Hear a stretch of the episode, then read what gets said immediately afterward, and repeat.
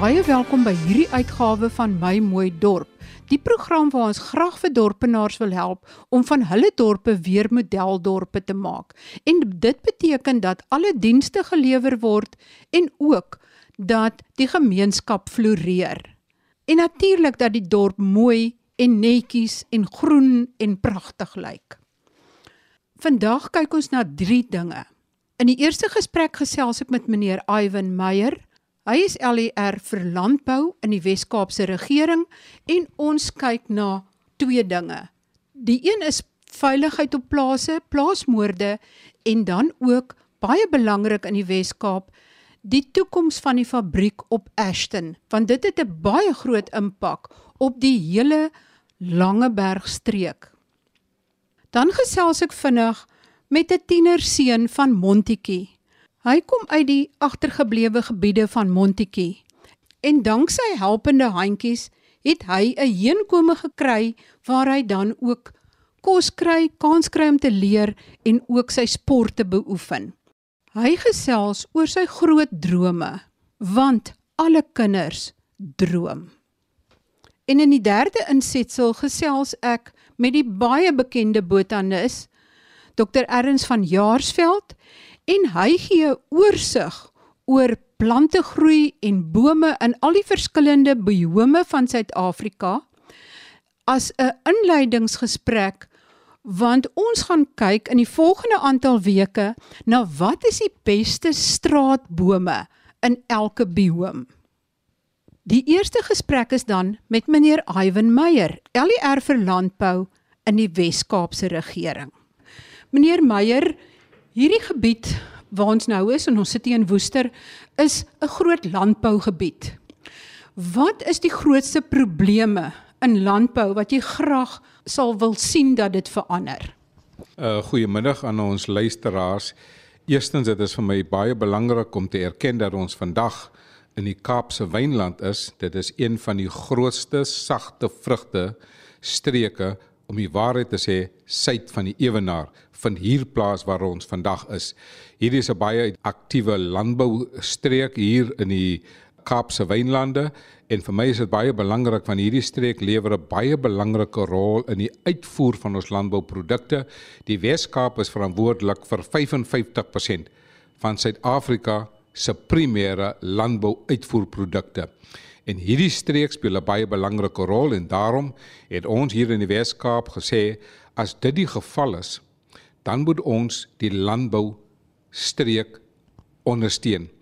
En een van die maniere hoe ons dit sigbaar ondersteun het, is om te sê watter hulpbronne en infrastruktuur het die streek nodig. Want hierdie produkte moet by die hawe kom, by die markte uitkom, so het goeie padinfrastruktuur. En daarom in Suid-Afrika die beste padinfrastruktuur is hier in die Kaapse wynlande want ons moet ons landbouprodukte op die paaie en op die markte en toegangspaaie kry. So, uit die aard van die saak het ek ook gekyk na die belangrike rol in hierdie streek in terme van werkskepping, maar ook wat gebeur het oor die afgelope jare in Suid-Afrika met geweld en toename in geweld, maar ook geweld in landelike gebiede. En ek het dit my erns gemaak om te kyk na veiligheid in die Weskaap is vir ons 'n baie belangrike prioriteit. Vir my hier in die Kaapse wynlande het ons ook 'n patroon gesien van mense wat aangeval was, selfs 'n boer of twee wat vermoor was en ek het onmiddellik na die Weskaapse kabinet gegaan en gesê tot hier toe en nie verder nie. En daarom het ek vir die Weskaapse regering gevra om 'n interministeriële komitee oor landelike veiligheid in die lewe te roep.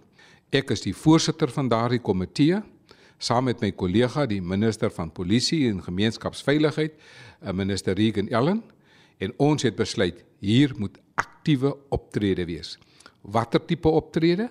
Eerstens het ons besluit dis belangrik om te erken as 'n regering dat plaasmoorde wel plaasgevind het. Daarna het ons die gemeenskap gemobiliseer deur middel van ons buurtwagte, die akkreditasie van ons buurtwagte. Um, ons het ook 'n sogenaamde court watching brief opgesit want ons wil geregtigheid hê. Ons het ook gekyk spesifiek na uh tegnologie satelliettegnologie, maar ook uh kamera tegnologie, geïntegreerde tegnologie, samewerking met die polisie, samewerking met die buurtwagte, samewerking met die sogenaamde law enforcement van die munisipaliteite. Ons het ook hier uh, digitale platform geskep om te monitor wat gebeur waar in die streke. Ek self was ook in die hof om borgtog teen te staan vir persone wat 'n uh, moord gepleeg het uh, en plaaswerkers aangeval het. Dit is vir my baie belangrik dat ons opstaan want 'n plaasmoord is eerstens 'n aanval op die menswaardigheid van die persoon en tweedens dit is 'n aanval op die ekonomie van die Wes-Kaap want landbou speel 'n belangrike rol in die Wes-Kaap omtrent 11% van die totale ekonomie van die Wes-Kaap kom uit die landbousektor en daarom het ons baie erns met die veiligheid.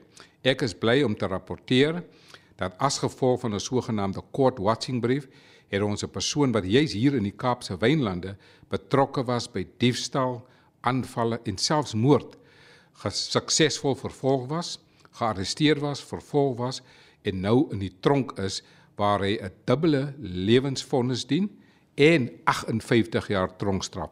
Dis die geregtigheid wat ons wil sien hier vir beide agriwerkers maar ook vir ons landbouers, ons produsente en ons boere hier in die Weskaap. Ek is bly ons het goeie samewerking. Ons het goeie samewerking met die uh, sogenaamde NAVIC, die National Vehicle Information Cloud, die uh, verkeerspolisie. Ons het ook 'n sogenaamde Advanced Number Plate Recognition System waar ons mense monitor op plase en gebiede en ek is bly vir die goeie samewerking wat ons kry met ons plaas buurtwagte en ons dorp buurtwagte, ons gee ook opleiding en ek het ook self fisies gaan deelneem aan patrollies op plase want dit is vir my van kritieke belang om ons landelike gemeenskappe meer veilig te hou hier in die Weskaap maar ook elders in die land. Ek het ook self met Daniel my mediabeampte patrolliewerk gaan doen daar op die, in die Vrystaat op die grens daar Lesotho as ook in Clarence daar saam die uh, Bethlehem beheerkamer wonderlike mense. Veiligheid is ons ernstige prioriteit hier in die Weskaap. Is daar enige moontlikheid of het julle al meer inligting oor die volhoubaarheid van die Ashton fabriek wat ook baie belangrik is vir die boere? Wel daar is onlangs gesprekke tussen die Ashton gemeenskap, uh Tiger Brand en die premier en hy sal later 'n aankondiging in die verband maak. Baie dankie aan my gas, meneer Ivan Meyer vir hierdie insette. En nou gesels ek met die jong man van Montetjie. Ek gesels nou met Judah Taidi. Hy's 'n atleet, lang afstande. Hy is een van die gereelde besoekers hier by ehm um, Helpende Handjies. Judah, bly jy lekker hierso of wil jy eerder wegloop? Ek bly nogal baie lekker hier by Helpende Handjies. Ehm um, Het is een baie lekker plek waar je samen nieuwe mensen kan vrienden maakt. Um, ze krijgen nog om te eten en dat is lekker aandacht voor jou. So, um, so, ik recommendeer die plek eigenlijk als een plek om bij te blijven. En krijg je tijd om huiswerk te doen? Um, gewoonlijk nadat we van de school afkomen, um, dan kom eten ons. En na, nadat we geëerd hebben, um, zo gewoonlijk, je bij vijf uur kan wanneer het stil is. Um, kom allemaal uit met hun boeken en dan leren, dan is het studietijd zo voor een uur. En hoe doen jy op skool? Ek vaar baie goed akademies en sport. Um, maar ek is meestal op die sport gefokus. Maar um, eindelijk nou wat het um, die eindkwartaal is, is ek nou baie gefokus op my studies. Want ek wil graag een goede op huis toe bring. En in watter graad is jy nou? Op die oomlik is ek op graad 10. Um, maar voorzeker is ek volgende jaar graad 11. Weet jy drome vir as jy klaar is met school? As jy nou moet groot droom, Wat is in daai drome wat jy vorentoe sien? Ek wil eendag um as ek groot is, gaan ek wil ek 'n dokter word. Ek wil eendag my my eie huis hê, dan sal ek na die mense kyk waarvoor ek lief is. Um maar as daardie drome vir my aan bereik is, dan gaan ek gaan ek eerder in die sportwêreld in, waar ek vir my 'n goeie naam kan maak want sport is eintlik waar my hart is. En is dit net atletiek of is daar ander sportsoorte ook? Daar is ander sportsoorte waar waarvan ek baie ek doen atletiek op skool. Daar doen ek rugby en daar speel ek eerste span hokkie. En watse nommers in atletiek of watter afstande hardloop jy? Op atletiek hardloop ek um, gewoonlik 3000 meter en 1500 meter. Maar ek kan volgende jaar kyk om die 800 meter en die 400 meter ook te verower. Ooh, mense, kyk uit vir die naam, Judah Taidi. Julle sal my verseker op die veld sien. Ek wens Judah Taidi net die beste toe en hou sy naam dop. Moontlik hoor julle weer van die jong man.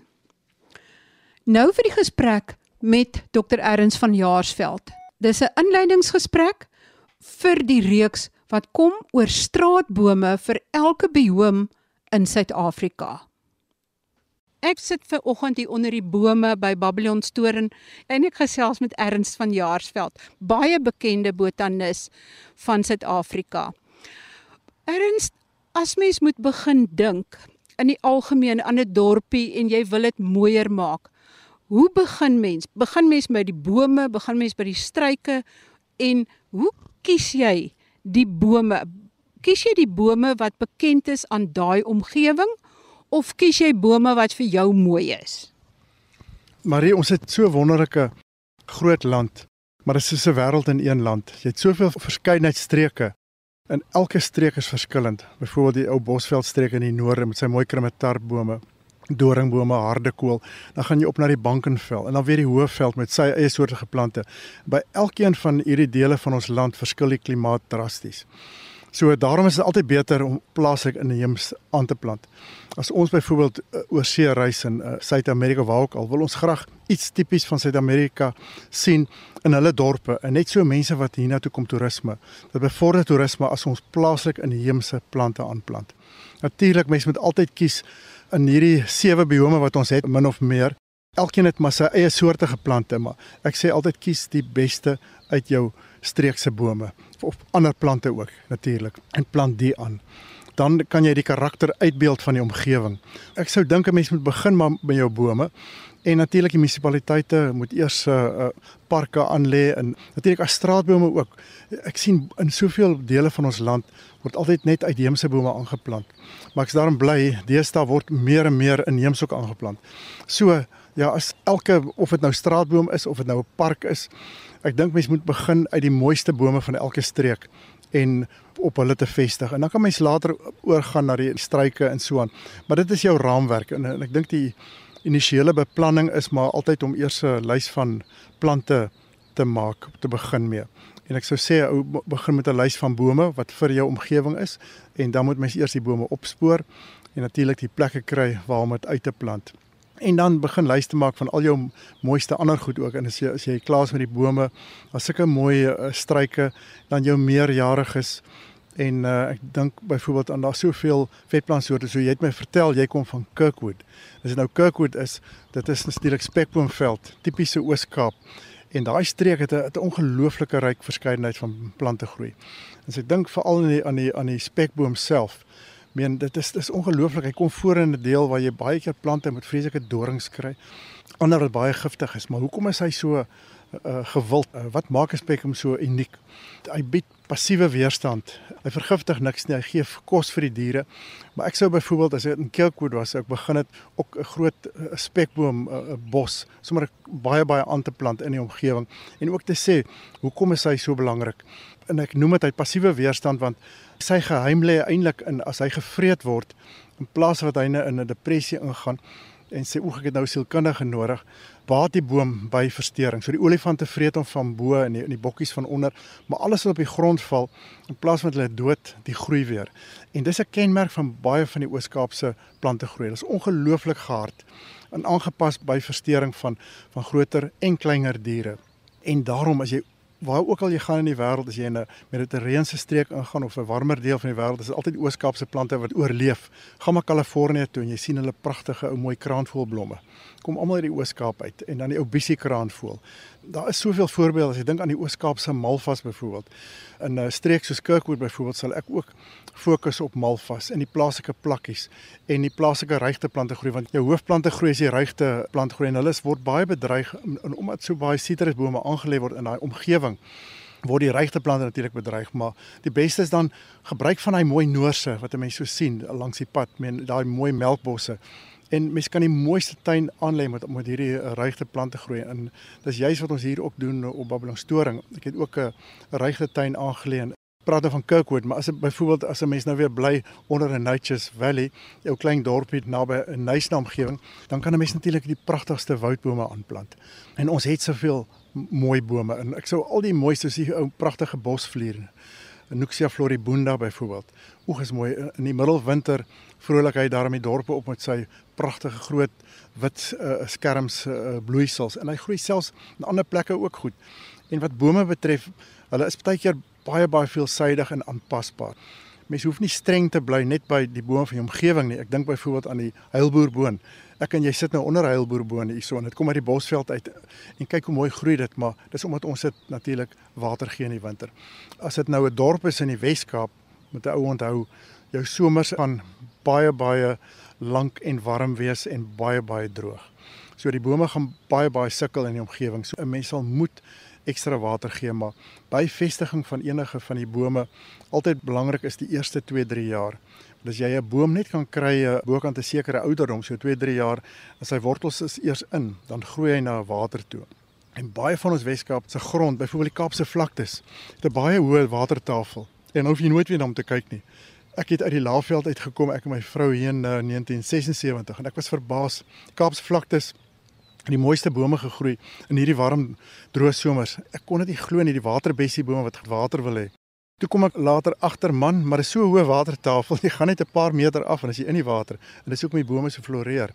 So as ou die die karakter van jou omgewing ken en weet wat om te plant en waar, kan nou eintlik enige ding aanplant. Op die Hoëveld natuurlik met 'n mens baie versigtig wees want daar het jy kwaai ryp en uh, moet ou natuurlik aanplant wat ryp bestand is. Maar selfs op die Hoëveld het ons ten minste seker 50, 60 bome wat wat baie goed ryp bestand is. En ek wil net noem daar seker in die in die wêreld uh, 60000 boomsoorte. Dis 'n geweldige hoeveelheid. In ons eie land maar so iets soos soos 2000 soorte as ek dink aan Suidelike Afrika. Daar's so baie bome wat ons kan gebruik en hulle varieer behoort aan soveel families en elkeen het sy eie eienskap as ek dink byvoorbeeld aan doringbome. En wat hulle so merkwaardig maak is hulle behoort aan die peelplant familie en hulle het stikstof binne in hulle knoppies op hulle wortels. Hulle kan stikstof direk uit die atmosfeer opneem en jy sal sien altyd onder 'n doringboom, die gras is altyd groener. En dis omdat die doringboom is altyd vriendelik teenoor alle plante wat onder hom groei.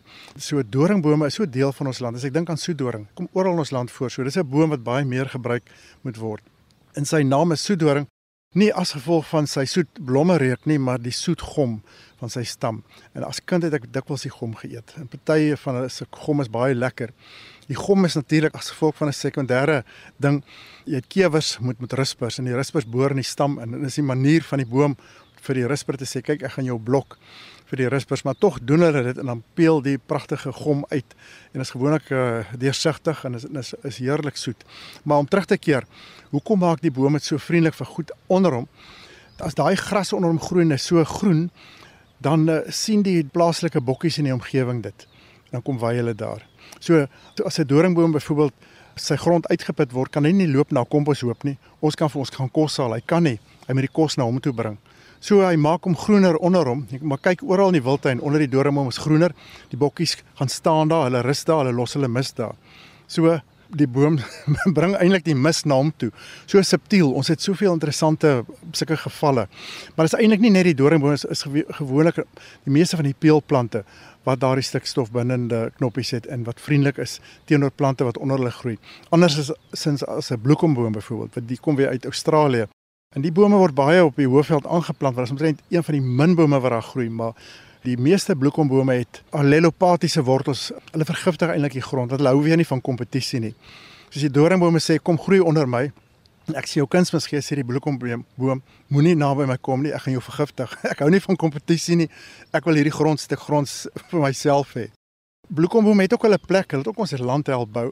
Maar ek sou sê uh, as dit nou op 'n hoëveld uh, deel is of op in die Karoo waar bittermin wil groei, kan 'n mens 'n bloekomboom, maar selfs daar is dit maar altyd beter om ons inheemse bome te plant. wat is mooier as 'n soedoringboom en dit is 'n vinnig groeiende boom ook. En hulle hou so tot 60 jaar oud en is eintlik 'n pioniersboom. Oral waar 'n verstoring is, kom hy op en hy blom ook hierdie oor. Hy gaan een van die dae begin blom. Ons is nou so hier in November maand, maar is dit hierso Desember, Januarie kom, dan's die hele Karoo geel. Oral in die rivier loop, sien 'n mens altyd. Dis maar net een van die baie baie soorte doringbome. As ek dink aan byvoorbeeld die platkroon soedoringboom of die papierbasboom met sy mooi sambreelvorme. So tipies Afrika. Is min dele in die wêreld wat sulke mooi platgroeiende bome het. So ons kan baie meer van hulle ook aanplant en soos ek sê as jy so 'n boom in jou tuin of in jou dorp het, dan kan jy tuin maak onder hom. Want hy gaan vriendelik wees teenoor alle ander plante wat jy aanplant. En papierbasdoring groei eintlik reg deur die land uh, baie goed en hy sal self ja kirkwood ook.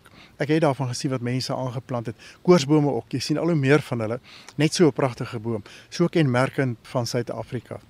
En as ek dink oor die boerboon waaronder ons, ons nou sit, hulle blom weer lente. As hulle nou 'n vol blom is jong dan hoor jy net uh, suikerbekkies.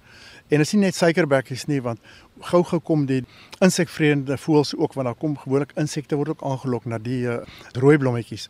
Ja, dan word die insekte aangelok en soos hulle kom, dan bied dit nou weer kos vir hierdie vrugtevretende voëls. En as ek dink aan die Karoo met sy mooi uh, guariboom en die ou mooi uh, die pragtige uh, doppruim Papaya capensis Engels word hy genoem jacket plum. Hy's eintlik baie naverwant aan die litchie. Dis 'n klein litchietjie, jy kan hom eet ook, is heerlik. Karoo is vol van hom. So en dan ons natuurlik die Karoo boerboon, verwant aan die aan die Bosveld boerboon, ook bloedrooi blomme in die somertyd. En dan die ou ou guarri bome is maar is maar 'n kleinerige boom, maar baie baie gehard in 'n pragtige pragtige boom. Weet nie wie jy kan hoor die die mytjie koekoek wat nou so mooi gefluit het hierson in die, in die veld. Ons het so 'n geweldige verskeidenheid en ek dink in die ou krematartbome, byvoorbeeld Musina, is nou 'n dorp wat 'n mens kan dink daar is nou 'n plek om krematartbome aan te plant. Maar enige van daai Noord-Transvaalse dorpe in Louis Trichardt is natuurlik ideaal vir krematartboom. En dit sou wonderlik wees. Gaan 'n ou na die Weskus toe, byvoorbeeld Springbok. Sou ek sê die beste is. Ek kon nie verstaan nie, weet jy maar hier so baie jare terug was ek Springbok toe en hulle wou gaan palmbome aanplant langs die strate. Ek skryf toe vir die munisipaliteit. Ek sê vir hulle man, julle sit hier met een van die mees spesiaalste bome in ons land, die kokerboom. Wat is mooier en as, en as iemand na julle dorp toe kom, kan dit bekend word as die kokerboom dorp van Suid-Afrika want dit is dis kokerboom wêreld en hulle groei nie so stadig nie en is maklik om te kweek en dikwels is hulle in die pad en in plaas van dat mense hulle uitstoot gaan druk hom net in en begin dit as 'n straatboom. Dit sal absoluut uniek wees en jy sal toeriste kry van heide en verre wat kom kyk na hierdie mooi kokerboomstad. So ek hoop nie net daar nie, byvoorbeeld Loriesfontein, al hierdie ou kleiner dorpies bo in die, in die noordweste en Appington en daai dele kan hulle al hoe meer van hierdie droogtebestande bome ken. Want die grasse aan die kant die draad lyk altyd groener vir ons. En dis hoekom as ons groot geword het in die Noord-Kaap en dink ou nie daaraan dat mense daarvan gaan kan hou nie. Maar as jy nou sien hoe die toeriste reageer as hulle hierdie goed sien. En dan skielik besef ek net elke keer, oeg, hulle waardeer dit en hulle wil graag plaaslik inheemse goed sien. En dis nou maar wat die bome betref, maar as jy ou dink aan uh, aan KwaZulu-Natal, hy's ook geweldig ryk aan daai subtropiese kus. Dis die, die mooiste goed wat daar weer groei. En as ek dink aan die ou breekhout met sy pragtige rooi blomme, immergroen en daai in die kleiner dorpies aanplant in Tonzini en ander dele. Mense kan absoluut 'n lushof in elke dorp uh, aanskaf want ons het genoeg, ons het genoeg van alles. Dit is nie nodig om uh, bome van ander dele van die wêreld aan te plant as ons sulke mooi inheemse goed het. Jy gaan definitief meer en meer toerisme gaan kom na ons land toe om te kom kyk na hierdie mooi bome. Maar dis nou wat bome betref, nou natuurlik die struike is presies dieselfde in jou meerjariges. Nou kom ons met die vetplante. Suid-Afrika sit met met die rykste verskeidenheid van vetplante in die wêreld. Daar's min dele in die wêreld wat so ryk is en elke streek het sy eie soortige vetplante. En ek dink byvoorbeeld aan alwyne. Wat is meer kenmerkend? Alwyne is so kenmerkend van Afrika. Dis egte Afrika plante. So weer terug aan na Kirkwood daar by jou. Jy sal weet uh uh Marie die mooiste alwyn die ou bitter alwyn en dan die ou kraanse alwyn met sy mooi bosse rooi blomme en dan die ou boom alwyn Alobarberry, 'n groot boom word die wêreld se grootste alwyn en hy en hy groei maklik. Jy kan selfs net 'n tak afbreek en indruk en jy weet sien daar groei hy. In die, in daai streke in die Oos-Kaap groei omtrent enige iets wat jy net in die grond indruk. So vrugbare omgewing is dit. Maar weer eens as 'n ou die alwyne ook vestig enige van die vetplante ook net aan die begin om hulle net eers gevestig te kry. As hy eers gevestig is, is hulle self onderhoudend. En elke deel in ons land het sy eie soortige alwyne. Ons het seker bykans 150 soorte as ek dink daaraan en die meeste is maar van die weer van Oos-Transvaal, maar die Wes-Kaap het ook sy eie soortige pragtige alwyne. En as hy as hy aangeplant is, het jy hom een keer in jou dorp en jy het hom altyd daar. En jy hoef hom nie weer na te gooi as hy eers gevestig is. Ek dink aan Kleinmond, die ou mooi val of die berge alwyn, Alusocotrina. Dit is ook 'n merkend van 'n omgewing en is mooi boste aan, aan die kus.